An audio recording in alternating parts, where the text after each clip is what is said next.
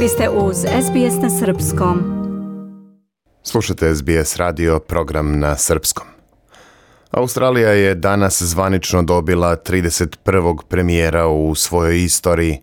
Lider laborističke stranke Anthony Albanese položio je jutros zakletvu pred generalnim guvernerom Sir Davidom Harlijem nakon što je njegova stranka ostvarila ubedljivu pobedu na izborima prošle subote. Pored Albaneza, zakletvu je položilo i nekoliko članova njegovog kabineta, zamenik premijera Richard Marles, državni blagajnik Jim Chalmers, ministarka financija Kathy Gallagher i ministarka inostranih poslova Penny Wong. Albaneze se obratio novinarima u oči polaska za Kamberu i poručio da je danas veliki dan u njegovom životu. Oh, it's a, uh, a big day in my life. Uh, Novi premijer je dodao i da je ovo veliki dan za celu državu jer je došlo do promene vlasti. Želim da vodim vladu koja ima isti osjećaj optimizma i nade koji definiše australijski narod. Želim da budem pozitivan i da iskoristim priliku koja nam se ukazala da oblikujem ovu promenu.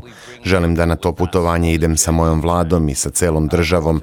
Zato nova vlada počinje da radi već od danas, poručio je Albaneze. Lider laburista je položio zakletvu iako zvanični rezultati izbora još nisu objavljeni, a razlog za to je da bi u punom kapacitetu mogao da učestvuje na današnjem samitu zemalja kvadrilaterale u Tokiju. Albaneze će se kasnije tokom dana sastati sa američkim predsednikom Josephom Bidenom i premijerima Japana i Indije Fumijom Kishidom i Narendrom Modijem. Put Japana sa Albanezom pošla je i nova ministarka inostranih poslova Penny Wong. The Quad Leaders meeting is an absolute priority for Australia. Sastanak lidera kvada je apsolutni prioritet za Australiju jer će nam omogućiti priliku da pošaljemo poruku svetu da je došlo do promene vlade u našoj zemlji i da će doći do određenih promena u državnoj politici, pre svega po pitanju klimatskih promena i našeg angažovanja na svetskoj sceni, istakao je Albaneze.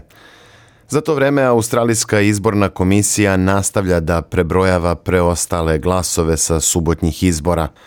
AEC je jutros objavio projekciju prema kojoj će laburisti imati sigurnih 75 sedišta u predstavničkom domu parlamenta.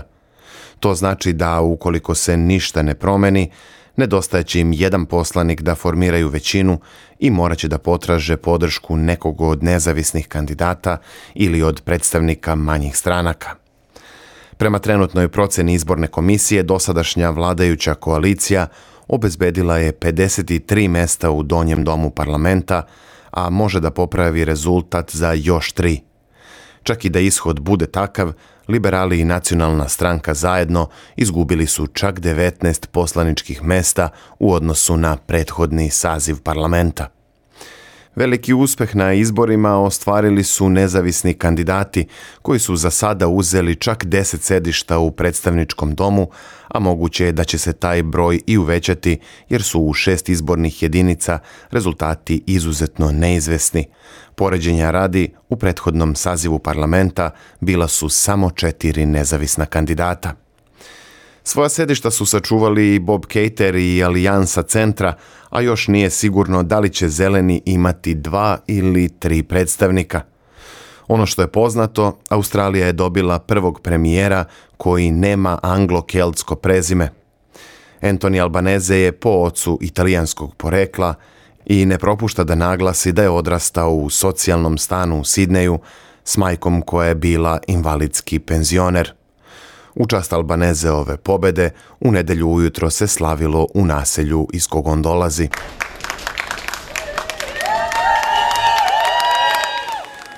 Ovako se slavilo u sidnijskom predgrađu Merrickville gde živi Albaneze. Oduševljenje nisu sakrivali ni kuvari u lokalnom restoranu Bar Italija koji kažu da je novi premijer njihov omiljeni gost. What do you think about our favorite customer Anthony Albanese winning the election. What do you think? Yeah! Boys are excited! Yeah!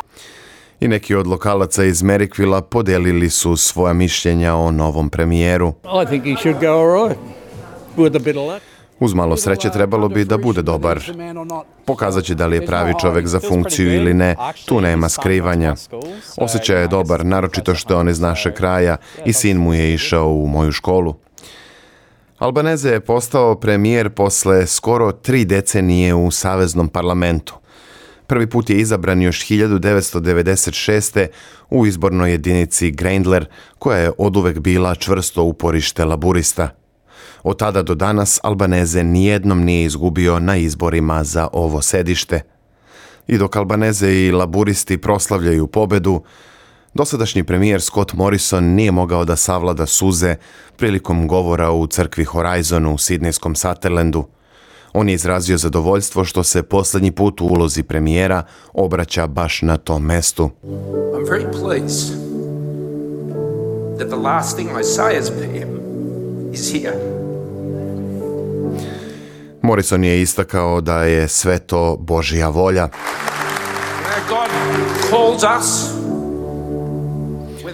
Bog nas sve zove, bilo da ste premijer ili pastor, da vodite firmu, predajete u školi ili da radite u policiji. Svako od nas je pozvan da veruje i da sluša, jer to je život vernika. Bog nas poziva na to i tako svakodnevno živimo i iskazujemo svoju veru. Morrison je poraz priznao još u subotu uveče kada se obratio javnosti i poželeo sreću laburistima i novom premijeru Antoniju Albanezeu. Koalicija je po prvi put izgubila izbore posle devet neprekidnih godina na vlasti. Morrison će ostati u parlamentu kao poslanik za sedište Cook, ali više neće biti lider liberalne stranke, pošto je prihvatio odgovornost za težak poraz na izborima – Favorit za njegovog naslednika je dosadašnji ministar odbrane Peter Dutton, što su potvrdili i neki od viđenijih članova rukovodstva liberala. Dutton je uspeo da sačuva svoje sedište Dixon u Queenslandu, iako je bio ozbiljno ugrožen od strane laburistkinje Ali France.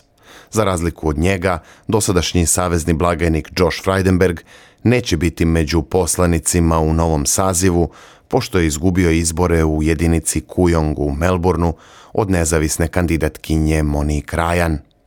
Vi slušate SBS radio, program na srpskom jeziku. Ja sam Branko Cvetojević. Ostanite uz nas. Dajte like, podelite, komentarišite. Pratite SBS Serbian Facebook profil.